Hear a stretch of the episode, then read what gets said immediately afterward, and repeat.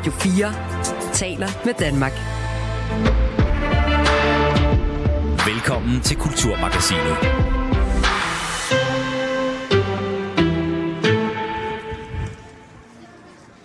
Rigtig hjertelig velkommen til Kulturmagasinet her på Radio 4. Vi øh, står lige nu midt på en vindfyldt plads på Spot Festival i Aarhus.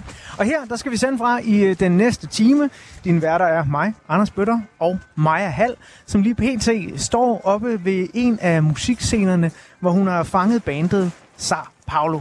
Dem skal vi også høre fra igennem den øh, næste times tid. Vi får også besøg af trioen Patina, og så har vi øh, besøg af lederen af Sportfestival, Gunnar K. Madsen, som i år kan fejre 30 år som leder af Sportfestival, men også i år har valgt at gå på pension. Så vi skal blive lidt klogere på senere, hvad det er for en rejse, at øh, uh, Festival og Gunnar har været på i løbet af de 30 år, der er gået.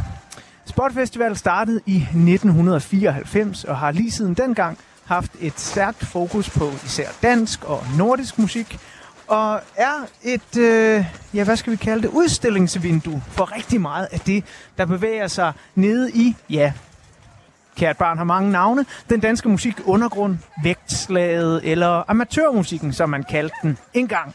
Det gør man nok ikke længere, og øh, det er jeg egentlig meget glad for, fordi øh, alt det, der er på spot her, anno 2023, det er bestemt så langt væk fra amatørmusik, som det overhovedet kan være.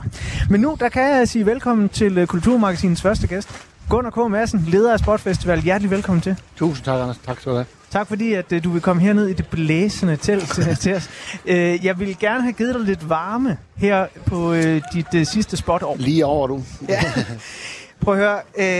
Jeg er kommet på spot rigtig, rigtig mange år. Dog ikke siden 1994. Men jeg har fulgt med på den danske musikscene øh, i de seneste 20 år, og har også set en rivende udvikling, især i det, som ja, jeg synes, vi skal kalde det vækstlaget.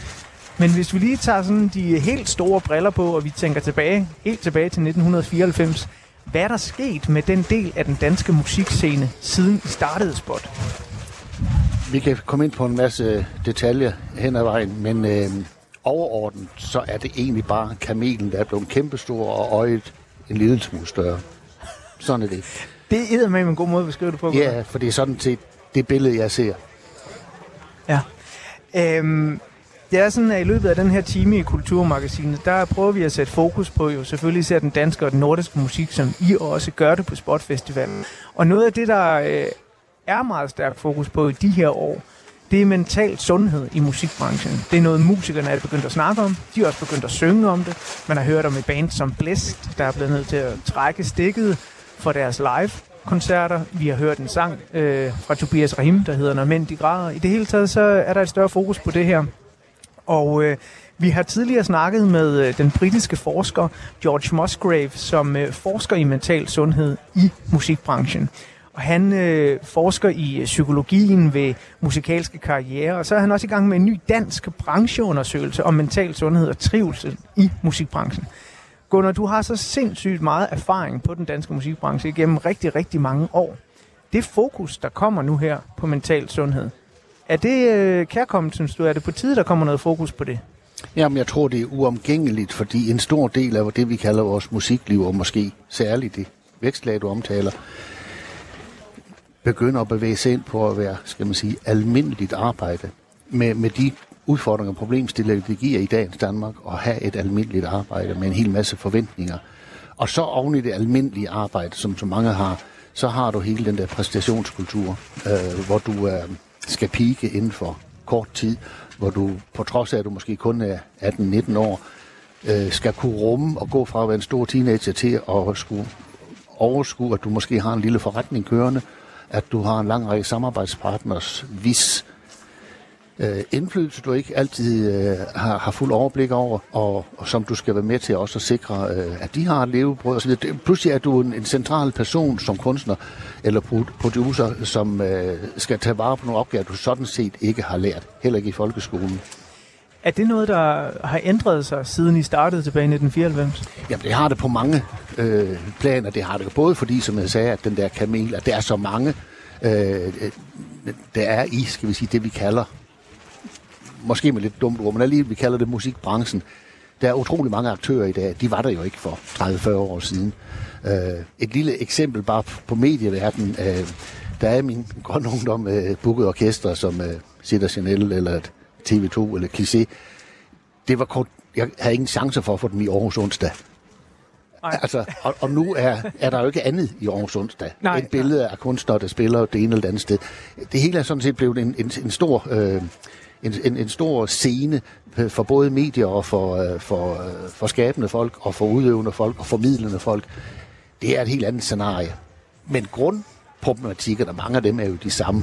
Det, du, vi snakker om i starten, det med at slå igennem, hvad enten det er det ene eller andet sted, det er ikke nødvendigvis sådan 100% blevet sværere, men det er måske blevet sværere at holde fast i at have et gennembrud. Fordi vi jo også nærmer os en så lidt industriel brug- og smid væk kultur inden for vores område. Er det så, øh, øh, hvad skal man sige, branchens skyld, eller er det publikum? Høn eller ægget? Er det fordi vi som, som, som publikum bare ikke rigtig gider at høre noget, hvis ikke det hele tiden er nyt eller anderledes, eller er vi blevet segmenteret på en måde, så vi kun gider at høre det, vi lige præcis brænder for. Og det er vi så så mange, at nu kan alle mulige segmenter sådan set have hver sin hitliste. Øh, øh, så, så der er mange ting, der simpelthen blev en vokset, uden vi havde en plan for, hvordan skal det så styres i forhold til det enkelte unge menneskes liv.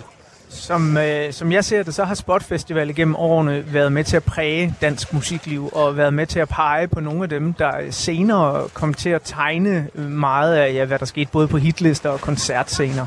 Når du øh, ser tilbage på de 30 år, der nu er gået, Gunnar, og du forlader det her gode skib, hvad er du så gladest for, at øh, Spot har opnået i de år?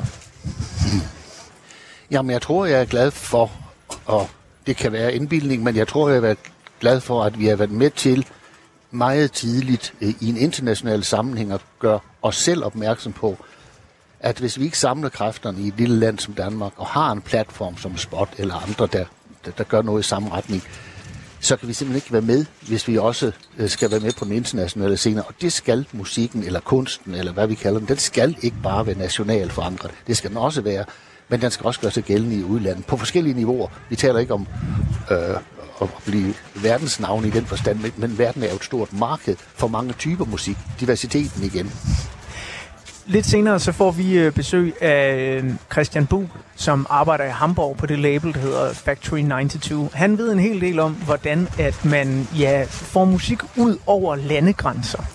Igennem årene er det der, øh, har det været vigtigt for dig som leder af Spot også at trække udlandet til Danmark, altså, så de kunne komme og se, hvad, hvad vi havde at byde på. Har det været et fokuspunkt altid? Det har faktisk været... Nej, det, det, det opstod måske efter de første 3-4 år, for der fandt vi ud af, at der var platformen stærk nok til, at vi kunne gøre det. Men det var en inspiration, jeg havde fra, fra udlandet, hvor jeg i 80'erne havde været rundt og se enkelte steder starte op. Blandt andet South by Southwest, hvor jeg kom på i mange år, før vi selv startede. Så jeg havde en indtryk af, at øh, det ville vi få behov for på af to årsager. Den ene var, at det danske branche på det tidspunkt ville ikke have kræfterne til at sende dansk musik ud reelt. Der skulle læring ind, og vi skulle have nogle folk ind, der efterspurgte dansk musik. Altså vi opfandt så begrebet, skal man sige, pull-push. Vi skulle gå bort fra, at vi kulturelt skubbede på det, vi nu selv kunne lide, men i stedet for inviterede folk ind, der kunne lide det, de kunne lide, så der var et træk udefra, uanset hvilken genre man spillede. Ja. Og den filosofi, den, øh, den mener jeg, den har virket, og den har jo været med til også, at vi i dag har en stærk og en dygtig øh, branche, øh, altså management, øh, øh, bookingfirma og øh, hvad hedder det, forlag osv. Men alt er jo en proces, og den er jo kommet af, at vi arbejder sammen. Her til allersidst, Gunnar, vi skal til at, runde af nu, fordi øh, de skønne mennesker fra Sao Paulo og ja, min medvært Maja er kommet. Men hvis vi lige kigger i krystalkuglen ja. helt kort, hvad håber du, der sker for Spot i de kommende år? Hvor ser du Spot Festival hen om 10 år? Jamen, det vil jeg ikke helt øh, spå om. Jeg tror bare, jeg håber for dem, der skal føre det videre, at det kan blive ved med at være en relevant sted for mange. Så giver det sig selv, at den er det, den er til enhver tid. Er det ved, øh, med mest vemod eller mest glæde, at du nu siger farvel og tak? Jeg, tager, jeg kan roligt sige, det med mest glæde, fordi jeg synes, vi har en god øh, organisering, organisering om festivalen. Vi har vildt mange, mange goodwill omkring den. Vi har mange øh, gode samarbejdspartnere. Vi har et stort publikum, vi har i år. Øh, øh men at, øh, der er kun grund til at være glad.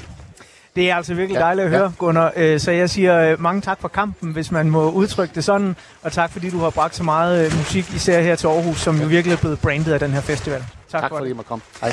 Det må du i hvert fald. Og nu der, øh, har vi fået øh, min dejlige medvært Maja hernede i det blæsende telt. Jeg håber, du kan høre, hvad jeg siger derom bag Ja, teltduen. ja, men jeg kan lige, jeg kan lige høre, hvad du siger, Anders Bøtter. Og vi øh, to, vi sender jo live på øh, Radio 4 i Kulturmagasinet Slot her mellem klokken 14 og klokken 15. Spotfestival, som er den her branche, branchefestival. Øh, og øh, med os, der har vi også to af de fem gutter fra Sao Paulo. Velkommen til jer. Velkommen til Emil Vammen.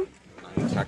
Mange tak. Ja, du er forsanger i bandet. Også velkommen til dig, Johan Horsmans. Tak skal du have. Vi kan sagt lidt engelsk. Ja, det var fedt.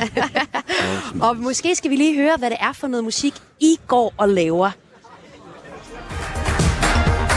Klap for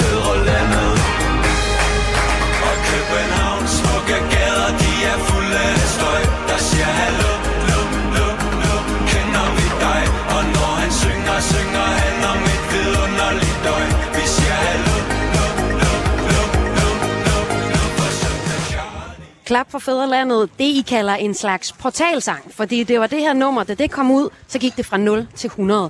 Og når det gør det, så skal man huske at passe på sig selv, og det skal vi snakke om senere. Men først, så skal jeg lige høre jer. Sidste år, der var jeg øh, her på Spotfestival og hørte jer på en mindre scene. I år skal jeg så spille i Musikhuset på den store sal. Hvad er der på spil til den koncert i år? Emil? Nu, er det- nu er det ligesom øh, det show, hvor vi skal bevise, at det var et, en rigtig beslutning, at det er der, vi skal spille den, kan man sige. Er I nervøs for, at der ikke altså, bliver det, fyldt? det er en meget nøgterne sådan, måde at sige det på, men den er også ret sand, tror jeg. Nu var vi jo lige op backstage lige før for at se øh, den her sal og den her scene, I skal spille på. Johan, er I nervøs for, at den ikke bliver fyldt? altså, øh, jeg synes, spotpublikummet plejer at være rigtig gode til at være nysgerrige og til at komme. Så jeg, jeg, altså, jeg, tror, jeg tror, den bliver fyldt. Hvad håber I på at få ud af den her koncert? Jamen, det er jo et stort spørgsmål. Jeg tror bare, vi håber det samme, som vi altid håber, når vi spiller koncert. Som bare er øh, at opnå den der magiske øh, sådan live-energi, hvor det er som om bare vi og op på scenen og publikum ligesom bare smelter sammen i en højere enhed. Har I forberedt noget særligt? Nu er det her jo en branchefestival. Er der nogle branchefolk, som I har inviteret, og som lige skal have et, et ekstra blink? Eller hvad, Emil? Mm, ja, ikke, ikke rigtigt. Ikke rigtigt. Vi har ikke inviteret nogen. Vi har ikke rigtig inviteret nogen. Vi, vi har mest fokuseret på sådan, okay, det er en stor sal med en masse balkonger, og vi lurer. Og så noget. øh, har I måske også sørget for at få styr på, at din mikrofon virker den her gang. Min mikrofon skal, øh, skal virke. Øh, Hvad var det, der skete sidst? I spillede i Tivoli her i øh, sidste uge. Jamen, det er en trådløs mikrofon, så øh, nogle gange laver den sådan nogle dropouts. Eller det, nogle gange, det skal den virkelig ikke, faktisk. Det gjorde den i fredags. Det gjorde den i fredags. Første gang. Men, men øh, vi har ligesom, vi har ligesom øh, lokaliseret, hvad problemet var. Men, men rent praktisk, så i fredags i Tivoli, vi også skulle spille en ret stor koncert, så kunne du kun, Emil, bevæge dig på hvad? 4 kvadratmeter eller noget af den stil? Ja, altså, jeg var, jeg var fanget i sådan et usynligt bur, hvor jeg ikke kunne komme for langt ud i siderne, og jeg kunne ikke hoppe rigtigt, og jeg kunne heller ikke rigtig komme ud over scenekanten. Øh, så det var meget... I, I bogstavelig forstand, altså ikke i metaforisk. Altså Ja, i ja, bogst- vitterligt. i- i Du kunne ikke gå ud over scenekanten ja, ja, uden mikrofonen. i bogstavelig ja. forstand. Og så var det jo så bare at blive ved at håbe på, at, man, at vi i metaforisk forstand godt kunne komme ud over scenekanten alligevel. Hvad med den her koncert i aften til Spot? Skal du ud over scenekanten? Rent fysisk? Altså, jeg vil jo jeg vil, jeg vil sige så meget, at, at, at jeg glæder mig til at komme op og lige at have line check, fordi vi har, nu har vi spillet der en enkelt gang før, meget kort, til Gaffa-prisen. Og det var meget sådan, hvad hedder, er vi allerede færdige? Og sådan, og, men øh, der er, det er så stort, og sådan, der er, og det der med en masse trapper, og sådan, jeg, er- jeg er meget nysgerrig på, øh, om man kan komme rundt der, men det ved jeg ikke. Og også allerede en lille smule nervøs. Og I har jo også kun 35 minutter at gøre godt med, når I senere skal spille. Altså på øh, Se Store Sal på Spot Festival, hvor I er. Og der er meget på spil for sådan en... Øh, for sådan et band som jer, og det har stor betydning. Og hvor stor betydning Spot har haft også for jer det sidste år, det skal vi øh, tale om senere. Men øh, nu vil jeg give ordet videre til dig igen. Anders Bøtter. Tusind tak skal du have, Maja, og hvor var det dejligt, I øh, fandt herned. Øh, Jeg håber ikke, I fryser for meget. Altså, det er, det er lidt presset, men det går. Ja, og det er Tak. dejligt at høre. Det, det er nu dejligt at høre. Vi øh, har faktisk øh, flere dejlige øh, bands på besøg. Øh, har Vi skal have fat i bandet øh, Patina, som øh, burde være lige på trapperne øh, med os. Og øh, jeg har jo lige talt med Gunnar, som øh, har været leder af Spotfestivalen i 30 år. Og så sad jeg og fik sådan en ting, Maja, hvor jeg bare tænkte, wow, altså jeg er 42 nu, ikke? Jeg kan ikke forestille mig at være leder af noget i 30 år. Jeg synes bare, det er så vildt. Altså, Og så, og så, udover at være det i 30 år, så også at gøre det uden at lave en eneste shitstorm. ja, også det. det, det Han er nok den mest vældige mand i uh, musikbranchen i det, må Danmark. og det, det er der en grund til. Han er, han er et herligt menneske, altså. Men øh, mens vi øh, venter på øh, Patina, som øh, burde være lige på trapperne, de, øh, de burde indfinde sig hernede ved godsbanen, hvor vi sidder det foran de flotte DSB-tog, der faktisk øh, sidder sådan lidt øh, faretroende med deres øh, lys og kigger på os. Øh, jeg er hele tiden lidt nervøs, hvad de skal køre ind i os. Det ved jeg godt ikke sker. Øh, og noget af det, vi skal tale med Patina om, det er øh, mental sundhed. Jeg har snakket øh, her i, øh, i går med en af verdens største forskere inden for mental sundhed. Han hedder George Musgrave og kommer fra Westminster University, hvor øh, han øh, kan fortælle om den nyeste forskning inden for mental sundhed. Og en af hans pointer, det er, at musikbranchen er nok den branche, hvor der er mest mental usundhed. Og hvad man så gør ved det, det skal han faktisk til at forske i her i øh, Danmark. Og det øh, er jeg, jeg, altså, jeg er så spændt på at høre, hvad han kommer med, når han skal forske her i Danmark, fordi jeg er jo nysgerrig på, at det her er sådan meget et dansk fænomen med, at vi er begyndt at tale om mental sundhed i musikbranchen. Fordi det er jo vigtigt, at vi passer på de kunstnere, der kan give en masse fedt til os. Nu har jeg fået øh, besøg af Patina her. Søren, Ja, det er hele baduljen, skulle jeg til at hele sige. En- baduljen. I er en trio, Ja. dannet i 2018. Kender jeg muligvis med øh, hit som Genstart, Flammer Rammer. Øhm, og I skal spille her på Spot i år. Ja. Og I skal spille en sådan lidt særlig koncert i det Mhm. format, der hedder Naked. Mm. Kan du ikke lige kort forklare vores lyttere, hvad går det ud på, og hvorfor er det noget særligt? Jo, men det er noget særligt, fordi vi jo normalvis spiller med et, øh, et stort liveband, hvor vi er syv personer på scenen. Øhm, men i det her koncept, der er det kun øh, Gregers, Mads og jeg, som er de tre forsanger, som står rundt om et flyl, som spilles af multiinstrumentalisten Gustav Ljunggren. Så det er et forsøg på at prøve at redefinere nogle af vores sange, og så i selskab med, med Pil, Selma Judith og øh, Elias Rønnefeldt fra Ice Age. Så det prøver at redefinere sangene i nogle helt nye akustiske rammer, som i det her tilfælde så er, er rundt om fly. Det lyder, altså, det lyder også meget nøgent. Det lyder meget nøgent. Jeg synes, det er et meget rigtigt, hvad kan man sige, ord til konceptet naked. Og det er jo noget, som vi også synes er utrolig spændende, mm. men også øh, grænseoverskridende. Ja, fordi ja, vi ikke kan gemme os bag vores øh, trommesæt og percussion og Og, alverdens. og nu vi taler om mental sundhed, så nogle gange så kan man jo finde styrke i at gemme sig bag øh, en hel masse forstærkere, lys, ild, hvad, hvad man nu har. Ikke? Jo. Altså det her, det er vel også sådan lidt en måde at træde lige ud til grænsen på, hvor det kan blive komfortabelt. Øh, fu- er enig. Meget enig. Og jeg tror også, det er derfor, vi har sagt ja til det. For netop at prøve at, at træde derud. Jeg synes, noget af det sejeste er, når, når, øh, når kunstnere tør stå helt alene. Det er oftest der, hvor jeg nogle gange får de der helt gåsehudsfremkaldende oplevelser. Fordi jeg synes, det er så, så rent og så... Øhm, Ja, så nøgent. Øhm, så det, det ser jeg meget frem til at prøve kræfter med. Nu må vi se, om det falder helt til jorden. En af de helt centrale pointer, der er i øh, den her engelske forsker George Musgraves øh, studie, det er, at øh, han ligesom siger, jamen, vi skal simpelthen holde op med at romantisere rundt omkring det her med mental usundhed. Altså man har set op igennem 90'erne, man havde et fokus på det deprimerede udtryk i grungen. Kurt Cobain endte med at tage sit eget liv faktisk det år, hvor Spotfestivalen startede 1994. Senere op i nullerne har vi en karakter som Amy Winehouse, der mere eller mindre drikker og drugger sig selv ihjel. Og det bliver også sat op på sådan et eller andet romantisk pedestat af den lidende kunstner, som mm. skal lide for at lave sin kunst. Og hans point er, at det skal vi simpelthen væk fra det her. For dig som kunstner, for dig som musiker, er det da vigtigt, at man begynder at tale om det her. Jeg synes, det er vildt vigtigt, og jeg tror også, det er vigtigt, fordi at, øh, at jeg har også personligt set rigtig meget op til øh, Ian Curtis fra Joy Division eksempelvis, hvor der godt kan blive den her mytologiserede fortælling om en frontperson og den lidende kunstner, og læste også forsangeren for Swades øh, form for erindringsbog, hvor der også står, at han i lang tid øh, prøvede at leve efter den der lidende kunstner. Altså det er næsten en, en form for forudsætning for at skabe. Øhm, men jeg tror, at det, der sker i øjeblikket, og som skete rigtig meget sidste år ved for eksempel Rahims udmelding omkring angst, Blæsts øh, aflysning af deres turné, også handlede om angst. Jada gjorde det også nogle år tidligere. Der er begyndt at være mere at have åbenhed om det. Øhm, og jeg fornemmer egentlig også internt, som nu sidder jeg sammen med Johan og Emil fra Sao Paulo. Jeg føler også, at der er et andet sammenhold ude på scenerne. Nu spillede vi fredagsrock sammen i fredags. Og, og jeg synes bare, det var utrolig rart ligesom at kunne mødes med hinanden, uden at skulle på en eller anden måde puste sig op, eller sådan noget. Det er i hvert fald meget den energi, jeg har med bands. Og der har vi jo også bare set tidligere med Oasis og Blur og andre konkurrenter, også inde i metalverdenen, øh, Metallica og er det Anthrax, hvor den gamle guitarist gik over. Jeg kan ikke helt huske det. Megadeth. Megadeth, undskyld. Du sidder her ved siden af en meget stor kender. Men, men, øhm, men jeg føler bare, at, at det bliver rart ligesom at kunne i og det er noget, der er mindre farligt at sige Mm. mm. højt egentlig, hvad, øh, hvad vi bekymrer os om. Men en ting, det er jo at sige det højt til øh, bandmedlemmer og til øh, søde venner fra Sao Paulo og øh, dem, man nu møder backstage til fredagsrock. Noget andet er jo at sige det højt til sit publikum. Ja. Fordi publikummet derude står jo måske også med en forventning om, hvad får de af den quote on quote i godsøjne underholdning, der Ja. skal ske op på scenen. Og der har jeg nogle gange tanken, jamen, da jeg var 17-18 år, så kunne jeg godt bruge musik som eskapisme. Mm. Jeg ville gerne væk, drømme mm. mig til en eller anden. Det var måske derfor, jeg forelskede mig i heavy metal, ikke? Drager og svær og så videre. Og hvis man så en til en går ud og siger, jamen mænd, de græder også, og vi har også angst, og så videre. Kan der ikke være en far for på et eller andet måde, at den her smukke eskapisme, eller det her med, i dag der har jeg bare lyst til at høre, det er mig, der står hovedet og banker på, mm. At den forsvinder, hvis vi sådan en til en går til vores følelser? Øh, jo, og jeg tror egentlig, jeg, altså, jeg havde en meget konkret oplevelse med det sidste efterår, hvor vi spillede på Studenterhuset i, Aarhus, i Aalborg, undskyld.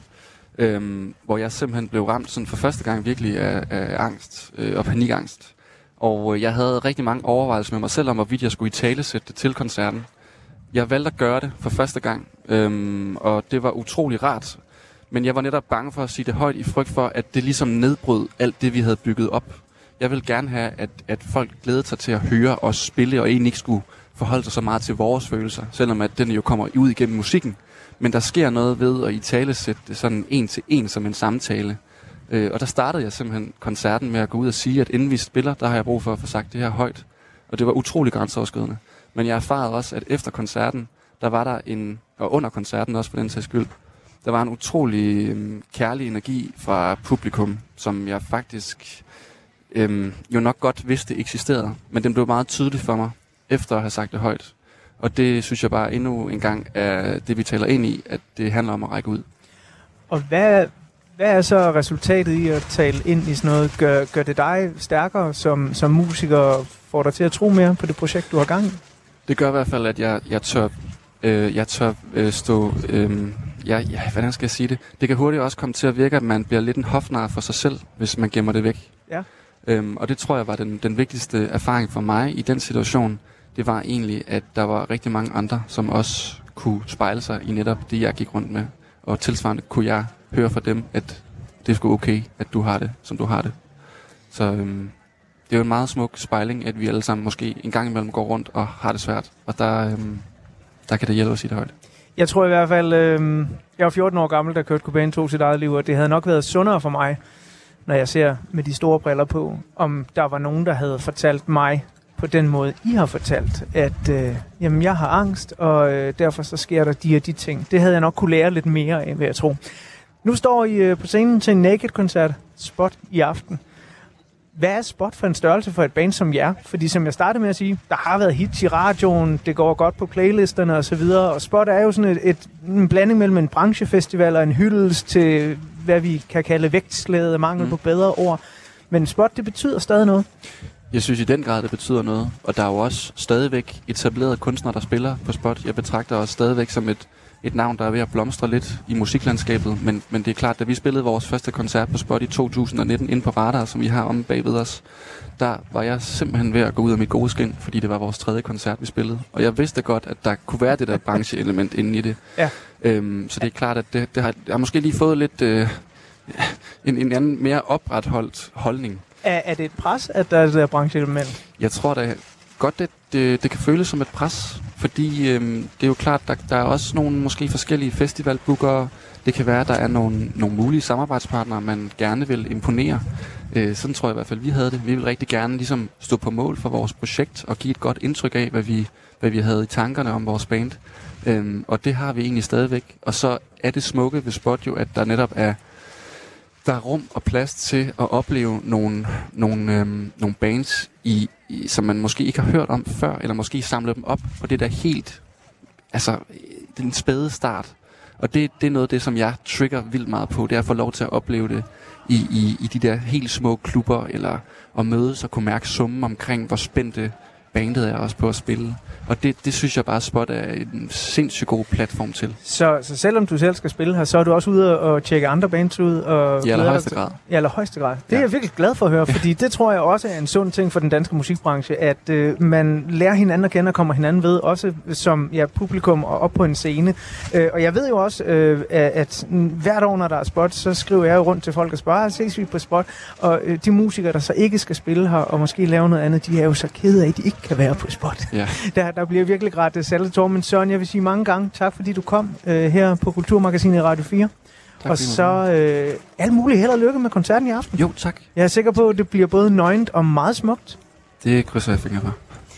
Der kommer også til at være gang i den inde i øh, Store Sal i Musikhuset i aften her på Sportfestival, hvorfra vi øh, sender her på Radio 4 Kulturmagasinet mellem kl. 14 og 15, fordi i aften der spiller Sao Paulo, som jeg stadig har med mig. Jeg har stadig Emil Vammen, som er forsanger, og Johan Horsmann, som er øh, guitarist i bandet. Og nu snakkede vi jo om, hvad det bliver for en koncert, I skulle lave i aften. Jeg kunne godt tænke mig at høre lidt om, hvad det har betydet at være på spot i øh, det sidste, øh, for et år siden, der øh, så jeg en koncert, hvor I spillede på en, en relativt lille scene, der var propfyldt med mennesker. Hvilken betydning havde det, da I gav den koncert sidste år? Emil? Jeg kan huske øh, for øh, to dage siden, og sådan noget, hvor vi lige var samlet og snakkede om, om spot øh, i år nu, og sådan skulle lige forberede os. Der sagde Anne sådan ret fint, sådan at, at, at det var som om, det var det første øjeblik, hvor han ligesom følte for alvor, at der faktisk var en slags following, som, som kun var båret af sig selv på en eller anden måde. Mm. Fordi vi, vi havde jo også, vi var, havde jo også været ude og opvarme for, øh, Ui, og vi er næsten ved at blæse væk wow. her. Vi sidder nemlig på spot lige på et blæsende hjørne. Ja. Vi, vi havde været ude og opvarme for Minds of 99. Øh, vi havde også før det været ude og opvarme for uh, Joyce, og vi havde også altså, spillet koncerter selv, men der var det der sådan, til hvilken grad er det her egentlig Mm. vores shows og vores excitement, når vi oplever det. Øh, og så det der med at se så mange mennesker, der var kommet for at høre os. Jeg tror, den, den sidste koncert, vi ligesom spillede, har spillet i Arnavn inden Spotfestival, det var Sidste år, øh, ja. sidste år, ja, det var en i, i Slagelse for 150, altså æskestive mennesker, hvor et konferencien introduceres ligesom som Sankt Paula, og, og så gik vi på, og så kom Klar for Fæderlandet ligesom efter det, og så spoler vi frem tre måneder, til vi står der på spot, og vi havde bare, altså vi, vi havde, der er ingen af os, der ikke godt begreb, om, hvor, hvor mange der ville komme, og det var fuldstændig ja, magisk. Og klap for Fæderlandet, det spillede jeg lidt tidligere i programmet, men til nye lyttere, så kan jeg jo introducere Tara Paule igen med det nummer, som I kalder jeres portalsang. Det nummer, der ligesom fik jeg slået fuldstændig igennem i Danmark. Det lyder sådan her. Klap for fædrelandet. Og København smukke gader De er fulde af støj. Der siger hallo, lo, lo, lo Kender vi dig? Og når han synger, synger han om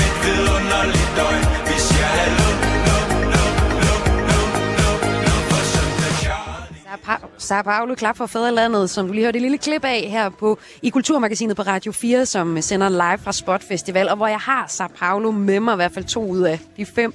Øh, det seneste år, altså I spiller et koncert på, øh, på Spot Festival, og kan ligesom se, okay, der skulle hul igennem. Vi er ikke bare et opvarmningsbane for Minds of 99, selvom det var en kæmpe tur at være på. Vi er også et navn i os selv. Og så udgiver jeg et, i et album, og hvad er det så, hvad er det været for et år for, øh, for jer? Altså øh, et, et, et, et år, som har føltes sådan helt, som om det var nødt til at være tre, eller fire, eller fem, eller sådan. Det var meget svært at, at tænke på det som sådan et helt år, der hang sammen. Det, det er helt sindssygt at tænke på det. I dag er det 365 dage siden, vi spillede spot. Ja. Det føles som om det er... Altså samtidig det føles som om det var i går, så føles det som om det er, var 2000 dage siden. Og øh, i løbet af det sidste år, så har I udgivet et nyt album, og i forbindelse med det, og i forbindelse med koncerter til det album, så er I blevet kaldt et band, med, som altså, giver nørdernes hævn. Hvad ligger der i det? Det, er, et- det, er et sjovt, det er et sjovt begreb. Øhm, hvem var det, hvor, hvor var det, det kom fra Jamen, først? Det var, det var faktisk første gang, øh, det var det første, der nogensinde blev sagt om os i radioen. Vi blev spillet af det elektriske barometer, og så hende, øh, radioverden, hun sagde, at det her musik, det gav hende nørdernes hævn-vibes. Og jeg tror, at vi blev sådan lidt øh, truffet af det til at starte med. Nok mest af alt, fordi at det var, øh, vi følte, det var lidt for sandt. altså, vi, øh, jeg tror, vi har spillet sammen, siden vi var 16. Og jeg synes, da vi startede som band, så var det meget sådan noget... Øh, det var faktisk nok sådan noget lidt... Øh, Anders Bøtter, tror jeg, så drev stor pris på det. Det var meget sådan noget prok, du ved, skæve taktarter og 8 minutter lange sange og sådan noget. Så hver gang vi ligesom spillede til, en, øh, til sådan en gymnasiefest og sådan noget, så var der altid os, der kommer og slog festen ihjel. og, øh, og derfor så tror jeg, øh, at så da hun ligesom sagde det der med, sådan, det var nørdenes hævn, så tænkte vi, at det er måske, det er vildt nok, mand. Det er, mås- det er måske sådan, det lyder. Og med lytter man til øh, jeres seneste album, så kan man også sige, at det er et slags generationsportræt, men hvor I også beskriver det her ved at være lidt ved siden af og lidt uden for fællesskabet. Når I så står i aften på øh, Spot Festival øh, på den store scene og giver koncert, har I det så sådan lidt, har du sådan lidt haha?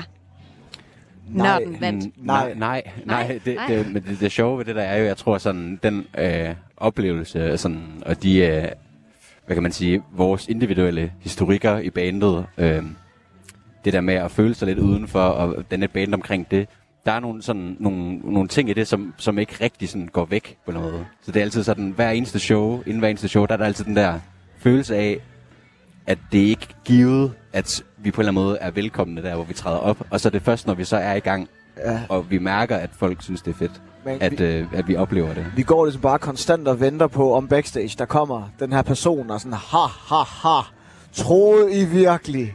Ja. Troede I virkelig, at I skulle spille storsal i aften? Det er virkelig sådan en running joke, og det er sådan, og, sådan, og, øh, og det er meget, nogle gange tænker jeg over sådan, det er ret vildt, at den stadigvæk, den er så present i bandet. Det der Ja. med sådan, hey, der er altid en eller anden lige om hjørnet med sådan et kamera, som siger pranked. Og sådan, Noget af det, vi har talt om i uh, Kulturmagasinet Sender Live for Spot, det er mental sundhed. Og uh, jeg ved, at uh, I har faktisk to bandpsykologer tilknyttet. Er det også noget, I taler med, med dem om? Ja. Altså, øh, ja, altså sådan, det er i hvert fald... Nørdernes hævn. Ikke, ikke lige nørdernes hævn, desværre. Men at stå desværre. der og tænke, hvornår hiver nogen tæppet væk under os? Jamen, jeg tror, vi taler jo meget omkring, øh, jeg synes, øh, hvad hedder det?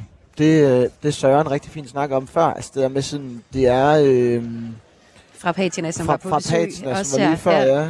Som i øvrigt, jeg kan fortælle, vi, nu fortæller han historien om, at han, de havde spillet i Aalborg. Da vi spillede i Aalborg, så kom der en op til os efter show og sagde sådan, det var fandme fedt, men jeg siger jer, Patina, da de spillede, så ham der Søren, den ene af dem, så gik han op på scenen inden koncerten og sagde det der, det er det sygeste, jeg nogensinde har set på, øh, til en koncert. Så det var øh, i forlængelse af det, I snakker om før, altså det, det er noget, der også øh, publikum synes, det er fedt. det runger i rummene, når, når sådan nogle ting sker. Ja. Men, øh, men vi snakker bare omkring, altså det der med, at vi elsker at spille musik, vi elsker at spille live, det er det fedeste, men samtidig sådan rent øh, biologisk, så tror jeg, der er noget i en, øh, at, at man skal være ret syg i hovedet, for ikke at blive helt vildt øh, nervøs, inden du stiller dig op foran flere tusind mennesker øh, og spiller musik. Og, og ligesom deler ud af dit øh, hjerteblod og dit øh, følelsesliv på den måde. Så jeg tror, at det er ligesom bare en meget... Øh, det er mange af de ting, vi snakker om. Hvordan, hvordan håndterer man det? Her på Spot Festival, så er der ligesom to dele. Der er en del, hvor der er en hel masse koncerter. De er relativt korte, så man kan komme rundt og se en masse. Og det er jo noget af det, branchen skal. Jeg har talt med nogle af de øh, forskellige øh, øh, spillesteder, der er rundt i landet, som er rundt og bare snuse til, hvad er trends og tendenser lige nu. En anden del af det, der er Spot, det er de her Spot Plus arrangementer, hvor der bliver for eksempel præsenteret ny forskning. Og jeg har talt med en af de forskere, fra, øh, der øh, præsenterede forskning omkring mental sundhed. Han øh, hedder George Musgrave og kommer fra Westminster University i England. Og han skal til at forske i mental sundhed i den danske musikbranche. Men det han ved fra den øh, britiske musikbranche, som han også har været en del af som rapper, det er, at succes, det er subjektivt. Og øh, hvis du føler, at en, øh, en, en koncert, hvor der kommer 20 dedikerede mennesker, det er det er det, du gerne vil med din musik. Og du har et fast, måske på 20 mennesker, der følger dig i 25 år, jamen det er succes. Så kan du have det mentalt meget bedre, end hvis du øh, står til en udsolgt koncert, fuldstændig tæt pakket, og bare drømmer, at du skal til en endnu større koncert. Er det noget, I har gjort nogle overvejelser over? om? Ja, det er noget, vi snakker ret meget om, synes jeg. Øh, der er i hvert fald hele den der ting med, når man spiller musik og øh, gerne vil ud over scenekanten, så at sige, og sådan øh, vise sine ting frem og vise, hvad man, hvad man kan, så op, kommer der ret hurtigt sådan en retorik af sådan øh, bedre, øh, højere, stærkere, hurtigere, øh, next level, next level. Øh. Ja, ja, nu, ja, lige præcis. Det er sådan Daft Punk-sang-retorik. Ja, ja. Better, faster. Ja. Øh, vi, er, altså, vi snakker lige nu om... Altså, nu har vi lige udgivet plade, og vi vil gerne i gang med at lave toren. Og der er, det jo, der er det den der sådan, den svære tor, og om det skal være bedre. Og sådan. allerede om to år, I har jo lige udgivet etteren. Vi sgu allerede i gang med at lave den, ja. Vi er, vi, vi er gået i gang med at skrive. Vi er gået i gang med at skrive, ja. Og, og, og, der, og der er det meget sådan virkelig vigtigt at blive opmærksom på, hvad mener man med bedre? Hvad mener man med større? Hvad mener man med sådan højere og next level? Alle de der sådan kæmpe ord, som sådan egentlig er ret tomme i sig selv. Og jeg, og jeg tror også, i, i forlængelse af det, altså nu nævner du det der med at stå på store scener og sådan noget. Jeg tror, en ting, vi er meget bevidst omkring, det er det der med at sørge for, at vores succeskriterie, det er bundet op på den musik, vi laver, først og fremmest. Altså, det er nogle indre faktorer. Altså, det ultimative mål for os, det er at lave det bedste musik, vi overhovedet kan. Og lave de sange og de plader, vi drømmer om.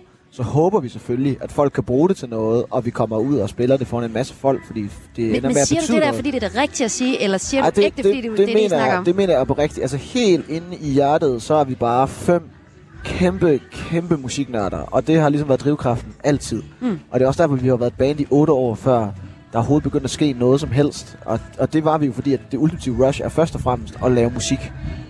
Og noget af det første, I gjorde, da I samlede jer som band, det var at lægge udlandsdrømmen udlandsstrømmen i graven. Hvorfor gjorde I det?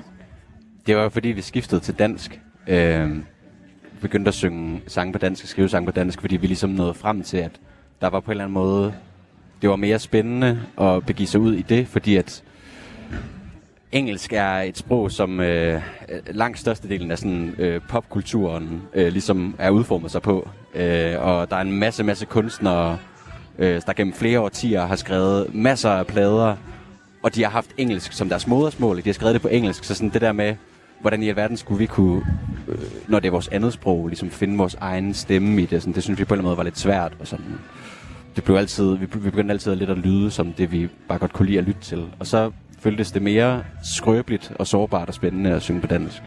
Grunden til at spørge om det, det er fordi, det det, det skal handle om nu her i Kulturmagasinet. Det er om de folk, som gerne vil til udlandet, der giver koncerter i dag, og hvem de inviterer, hvem man skal tale om.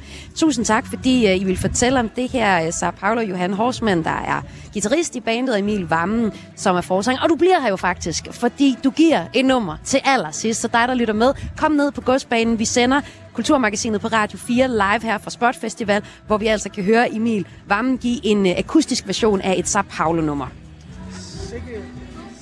Sik- Sikkert er en fantastisk dejlig overlevering, øh, Maja. En direkte lille segue over i det næste, det skal handle om, nemlig det internationale aspekt af Spot Festival.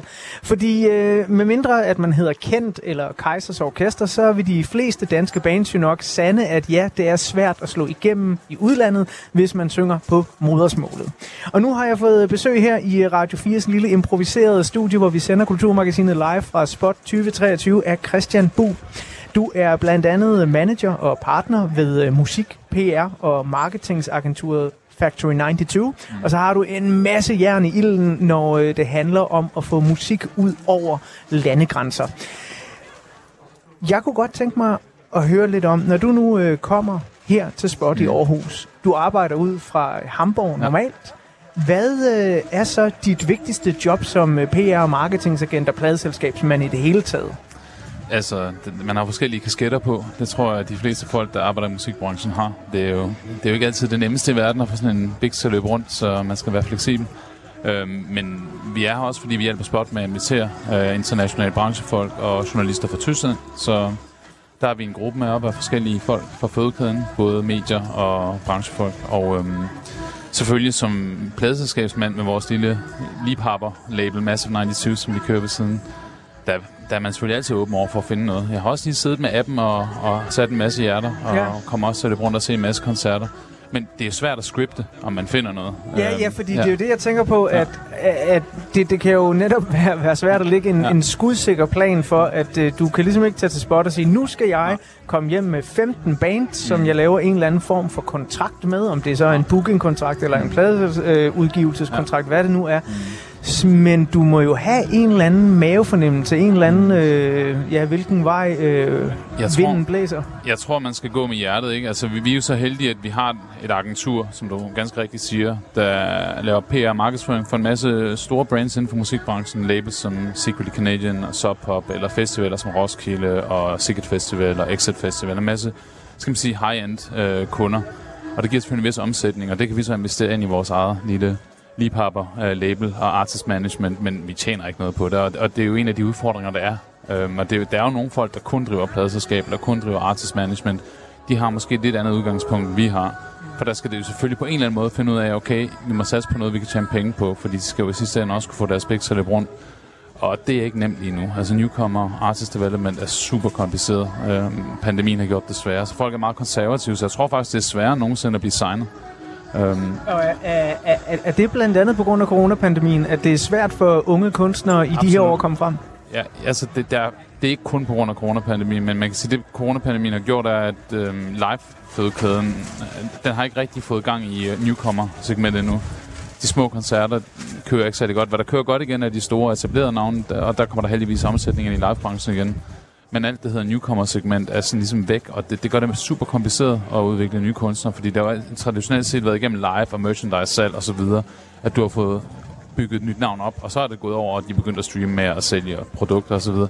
Og, og, og der er ligesom sådan et hul i fødekæden, og det er selvfølgelig også det digitale med social media markedsføring og streaming, og hvordan får du egentlig det hele til at løbe rundt. Og der, der er vi sådan et sted lige nu, hvor folk er sådan lidt clueless. Altså, det, det er en kompliceret tid. Så skal der da Ja. ja. komme en varm øh, anbefaling her fra øh, Kulturmagasinet øh, på Radio 4, der sender live fra Spot, hvor mig og jeg gerne vil sige til alle, der lytter med, gå ud og støt de små kunstnere. Gå til en lille koncert en gang imellem. Tag en chance. Noget, som øh, du måske ikke kender, fordi det er også lidt bedre for pengepunkten nogle gange. Altså, jeg har lige været til Roger Waters i Royal Arena. Øh, det, det, var, det var en dyr omgang, vil jeg sige. altså, virkelig, virkelig dyr. Øh, noget af det, jeg elsker allermest ved Spot, det er, at der er så meget kærlighed til musikken, men der er også sådan en sidren i luften mm. af en nervøsitet. Mm. Fordi det betyder jo meget for de her bands at spille her. Vi har lige haft besøg af Sao Paulo mm. øh, og Patina, som jo også kan fortælle om de gange, man træder op på scenen, jamen man skal være sindssyg, hvis man ikke er nervøs. Mm. For dig, når du står dernede som en såkaldt brancheperson og kigger på en koncert, hvad er en god spotkoncert? Hvad, hvad er det, de her bands skal have for øje, når de stiller sig op på scenen? Jeg tror, det kommer meget an på, hvad det er. Altså, hvad er det for en genre? Uh, man kan sige, jeg, jeg har jo selv spillet meget, og jeg spiller ikke i Danmark, men jeg, jeg spiller selv sådan noget Old Boys Brit Rock, og tager rundt og spiller rundt omkring. Skal ned og spille til Spanien her til november med et band, der hedder Dead Star Talk og så videre. Så jeg, forstår godt kunstnerne, der bliver nervøse op på scenen. Uh, det gør jeg selv stadigvæk, som at jeg ikke er helt ny i det længere. Men man kan sige, når jeg står nede og, og, ser et band og oplever band, så er det, om man bliver rørt af det. Ikke? Altså, om det er autentisk. Jeg tror, det er det allervigtigste. Så gør det ikke så meget, om kunstneren er nervøs, eller om man mærker, at folk måske ikke helt kommer ud af sig selv. Men hvis der er et eller andet, der rammer, så behøver det ikke være et band, der er super rutineret, som har spillet 200 koncerter. Så kan det nemlig også være et band, der spiller deres anden eller tredje koncert, som, øh, som rammer et eller andet. Fordi hvis det rammer noget af mig, så rammer det sikkert også noget andre folk. Det, det er lidt den præmis, jeg stoler på. Men der er selvfølgelig også musik, pop og hiphop, og nogle genrer er jo også meget showbiz, hvor det også handler meget om produktionen og, og så videre. Så det er meget forskelligt, om vi snakker indie rock eller singer-songwriter, eller om vi snakker, øh, hvad skal man sige, populærkultur. Det, det er forskellige præmisser. Her, øh, her i Ja. ja. den her time, øh, ja. hvor vi sender live Ja. fra Spot, der øh, ja. har vi jo en øh, fokus på mental sundhed Ja. i musikbranchen. Ja. Øh, eller mangel på samme, Ja. kan man sige. Fordi øh, undersøgelser viser jo, at musikbranchen det er et sted, hvor mental usundhed virkelig Mm. trives. Og den her forsker, vi har været i kontakt med, George Musgrave, Mm. han siger, jamen hvis det stod lige så skidt til med den mentale sundhed, i mange andre brancher, i industrien, i håndværket, i hvad det nu kan være, banksektoren, Mm. så ville der være røde alarmlamper, Mm. al- der gik af over det hele. Mm. Hvis du kigger ud i Europa, altså ikke bare herhjemme på Danmark, for der har vi jo et Mm. lille fokus på det. Er det også noget, der er fokus på ude i den større verden? Der er stigende fokus på det, øhm, absolut. Øhm, jeg, jeg tror det hele taget, der er sådan lidt flere soft values, der, der kommer i spil. Ikke? Øh, og jeg tror måske også, at pandemien har været med til at sætte lidt spotlight på, øhm, skal man sige, mental sundhed. Der har været en del udfordringer i samfundet i det hele taget. Men jeg tror også stadigvæk, der er lang vej igen, og det kommer også meget ind på genrerne igen. Ikke? Hvis du kigger på hiphop og sådan noget, så er der altså virkelig meget macho-kultur stadigvæk. Ikke? Så det, det er jo, altså, det er absolut ikke noget, som der, der er ma- masser af arbejde, og det er jo et meget legitimt ting, sådan kunstner er så sårbar, øhm, og, og de, langt de fleste kunstnere oplever aldrig succes, som de, den succes, de drømmer om, og så skal de jo ligesom affinde sig med det. Øh, Hvor, hvordan takler man det som en, øh, der jo skal hjælpe kunstnerne frem her i verden, om det så er, er med en pladeudgivelse Mm. eller en koncert? Jeg tror, det er vigtigt at kunne, altså det, det er vigtigt at kunne snakke ærligt sammen. Ikke? Altså, jeg tror, det, det er meget vigtigt. Altså, der, er en kultur for, at man ikke øh, altid bare siger, jamen det skal nok gå, og det er også jo nogle gange, så er det jo ikke i orden. Og nogle gange, så er det måske lidt svært. Så jeg tror, det handler meget om det der med ærlig og åben kommunikation. Kald en spade for en spade. Det, ja. det er nemmere sagt end gjort. Christian, øh, her til sidst, øh, så er jeg jo meget nysgerrig på, altså jeg, jeg vil ønske, at jeg kunne tage øh, sådan et, øh, et lille øh, hologram eller fotografi af din hjerne for, hvad din plan for spot er i aften. Fordi jeg har altid haft sådan en fascination af jer, der kommer fra udlandet og skal kigge og vælge og sådan noget, øh, at øh, I, I må jo have sådan en eller anden særlig fornemmelse af, øh, hvad man skal til ind og se. Nu vil jeg ikke bede om en liste fra dig over, hvad du skal se øh, i aften, men, men hvad glæder du dig til sådan helt overordnet ved spot her i 2023? Jeg tror, jeg glæder mig til at fejre Gunnar Madsen her klokken 16 i dag, som Ja. jo træder tilbage nu efter 30 år. Jeg synes, han har gjort et fantastisk stykke arbejde. Uh, at vi har en, en event og en branchefestival og en konference som Spot i Aarhus, det, det er jo fantastisk. Og det er jo et ekstremt godt værktøj i forhold til musikeksport. Vi arbejder for rigtig mange lande, også for Canada og Island og alle mulige lande med musikeksportkampagner. Det er jo ikke alle lande, der har deres egen brancheevent. Og det er jo et fantastisk værktøj, det der med at få folk op som gæster, få folk engageret og opleve Aarhus, opleve dansk musik, møde folk, der arbejder med kunstnerne, møde kunstnerne. Det giver et helt andet form for medejerskab. Vi havde Ja. besøg af Gunnar her Ja. øh, i begyndelsen af Mm. timen, og øh, han siger som sagt øh, farvel efter 30 år. Mm. Helt kort her til sidst. Det, som Gunnar har gjort, og Mm. det, som Spot Festival har gjort Mm. i de seneste 30 år, har det efter din mening sat dansk musik på verdenskortet derude? Absolut. Det har været et ekstremt vigtigt værktøj. Man kan sige, nu hørte man også, at Paolo lige øh, uh, sige, at de valgte at synge på dansk, ikke? Og, og man kan sige, jeg tror, det der bliver spændende at se de næste 10 år, det er den her domestication af musik, ikke? At folk synger på tysk i Tyskland. Halvdelen af chartmusik i Tyskland er tysk rock og rap og pop, og det er det samme herhjemme. Og hvad kommer det egentlig til at betyde for musikeksporten? Og jeg har faktisk haft en del kommentarer fra nogle af de internationale branchefolk op til Spotify over, at der er godt nok meget musik på dansk. Så de skal faktisk lede lidt ekstra for at finde ting, de kan sætte et kryds ved. Mm. Øhm, fordi det selvfølgelig er ret svært at eksportere musik, der bliver sunget på dansk. Hvis det ikke er sådan noget eterisk som Sigur Ros må stemme nærmest et instrument, så er det selvfølgelig lige meget. Men altså, Eller Det har jeg- growlende metal? metal, der passer det også godt, ja. Ja. Så, så det bliver faktisk ret interessant at se, hvad, hvad det kommer til at betyde. Christian Bull, tusind mange gange tak, fordi du gad komme forbi Radio 4. Det var en fornøjelse, selv tak. Og øh, Maja, nu øh, skal der ske noget sådan lige om et par minutter, som jeg har glædet mig rigtig meget til. Fordi det er jo det, Spot Festival handler om for delen. Live musik. Lige præcis. Vi skal høre noget live musik her, hvor Kulturmagasinet sender live fra Spotfestival. Anders, lad os lige kigge rundt og prøve at beskrive for lytteren, hvad der er, der sker hernede foran øh, godsbanen. Jeg ser en masse lidt vendblæste mennesker, men Ja. ret glade mennesker. Ja. Er det ikke rigtigt? Og jeg tror, det er fordi mange har det ligesom mig. Det er festivalen, der starter. Festivalsæsonen, der starter lige nu, ikke? Man er sådan her, ja. uh, fadøl, Og så, musik. lige, lige præcis, og det er sådan den, den helt store forskel, fordi man kunne sådan sige, normalt den vibe, der er her, når klokken den er 14.52, er det ikke sådan her normalt i Aarhus på en fredag? Nej, men fordi der er bare sådan lige den der ekstra løftede stemning, og folk de går ikke med deres første fadøl, kan man sige, de går med deres tredje. Ja, Og og de går måske- fra koncert til koncert. Ja. Man kan faktisk, det kan jeg i hvert fald høre, at der er måske en lydprøve, måske en koncert i gang her tæt på, hvor vi er. Og det er sådan, at Spot Festival, det er en festival, hvor der er koncerter overalt i byen, særligt centreret ned om området Godsbanen. Og hvis du er i Aarhus eller i nærheden, så kom der endelig forbi. Om øh, lige nu, synes jeg, vi skal høre noget musik. Skal vi ikke det, Anders? Om lige nu? Om lige nu? Skal vi ikke det? det synes jeg, vi skal. Fordi øh, vi har simpelthen stadig glæden af Emil Vammen fra Sao Paulo. Du er ved at gøre dig klar til at give os et akustisk nummer. Ikke gå så langt af det nummer, du skal spille for os. Hvad handler det om? Øh, jamen, det er en sang, som er... Det er vel en slags kærlighedssang. Øhm, om kærlighed og manipulation, så at sige. At det er igen den nøgterne måde at sige det på. Klart. Jamen, øh, det vil jeg glæde mig til at høre sammen med de folk, der også er kommet frem for at lytte til musikken. Jeg håber ikke, du blæser helt væk øh, her i teltet, men øh, her er det i hvert fald live på øh, Radio 4 i Kulturmagasinet. Sao Paulo Emil, der giver et akustisk nummer af Ikke gå så langt.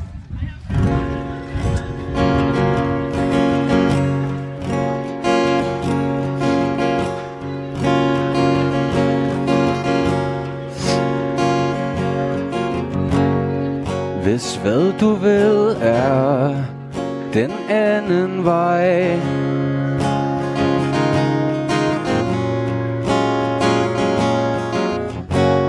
Bliver det ikke lige til? Det lover jeg.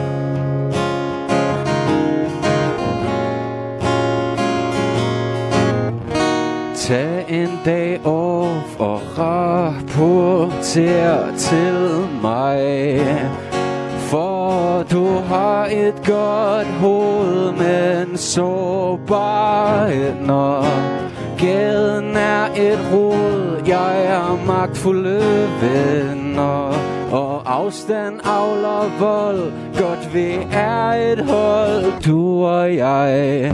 Ikke gå så langt, så jeg ikke kan se dig. Ikke gå så langt, så jeg ikke kan se dig. Ikke gå så langt, så jeg ikke kan se dig. Ikke gå så langt, så jeg ikke kan se yeah. Og begynder dine tanker at klare op. Er du så langt, jeg snart ikke kan se dig? Træk vejret. Tænk dig om. Er det det værd, hvis du ikke kan se mig? To som os, vi magter ikke den leg. For du har et godt hoved, men sårbarhed når Gaden er et rod, jeg er magtfulde venner og afstand avler vold, hvis vi er et hold, du og jeg.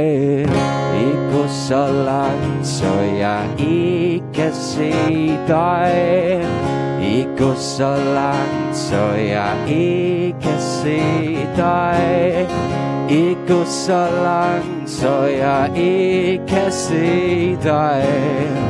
Ikke gå så langt, så jeg ikke kan se yeah. Pas nu på dig selv, ven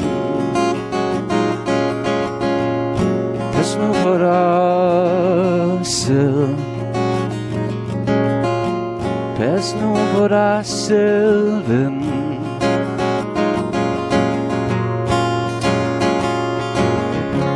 Jeg ved, at du ikke har en plan. Bare tag den, så langt du nu kan. Ses, når du er træt, når du har grædt Kammerat, bare tag den, ja. Yeah. Pas nu på dig selv.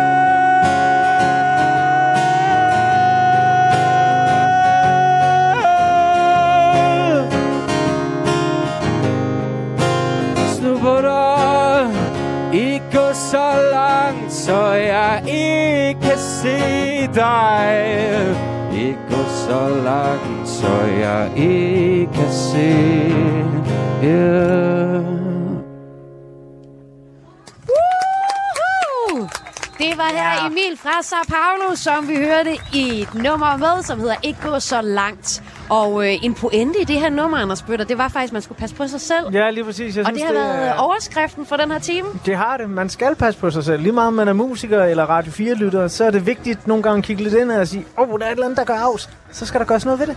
Og jeg synes, øh, noget af det, der var rørt mig meget i den her time, hvor vi har sendt live fra Sport Festival, det var at høre Patinas historie om at fortælle åbent om sin angst. Ja, lige præcis. Og det er jo noget, som man kan sige, jeg tror nogle gange, s- så kan det være så simpelt som at sige, det hjælper at tale om det. Altså se, ganske enkelt, sig hvad der er i vejen, og så skal du se, så øh, går det hele nok meget bedre, og det er egentlig slet ikke så farligt, som man går og tror. Men en ting, man så skal huske, det er ikke at begynde at romantisere det. For du havde også en pointe om, at det der øh, med at gå og snakke om, hvor fedt det var at have det dårligt, det er måske Ja. ja. heller ikke. Prøv at høre, jeg var barn i 90'erne og ung i 0'erne, og jeg er bare blevet stop fodret af musikbranchen med den ene romantisering efter den anden af, hvordan det er at have det psykisk svært, hvordan at øh, det kan være godt at tage stoffer eller drikke alkohol for at komme ud af sin psykiske dårligdom. Og hele den periode i musikhistorien, synes jeg bare, at vi skal stå en stor fed streg over, så skal vi se at komme videre med noget, der er meget sundere for os alle sammen. Det synes jeg er det, vi øh, skal tage med fra den her snak i Kulturmagasinet, hvor vi altså har sendt øh, live fra Spot Festival, og øh, koncerterne er i gang her Ja. ved Godsbanen, det kan jeg høre. Og kan du mærke, hvad der sker med vejret lige nu? Ja, det er begyndt at blive godt vejr. Vi har vidderligt siddet, kære lytter, og frosset en vis lamesdel af her i løbet af den seneste time. Men lige nu, der er det som om, at øh, solen er ved at bryde igennem det, som jeg vil tro kalder cumulus skyer, hvis jeg har hørt nok vejrudsigter i mit liv. Det her, det var altså Kulturmagasinet, der sender live fra Spot Festival. Det er Anders Bøtter, som du har hørt i din radio, og jeg hedder Maja Hall, og vi er ved kyndigt guidet igennem hele denne time af et øh, høj hold med øh, forledet af Asbjørn Kjergaard Petersen, som er stået bag teknikken. Nu vil jeg give ordet videre til et nyhedsoverblik, og efter det, så kommer der fredagsmissionen lige her på Radio 4, som altså har sendt live fra Spot Festival i år. Du har lyttet til en podcast fra Radio 4. Find flere episoder i vores app, eller der, hvor du lytter til podcast. Radio 4 taler med Danmark.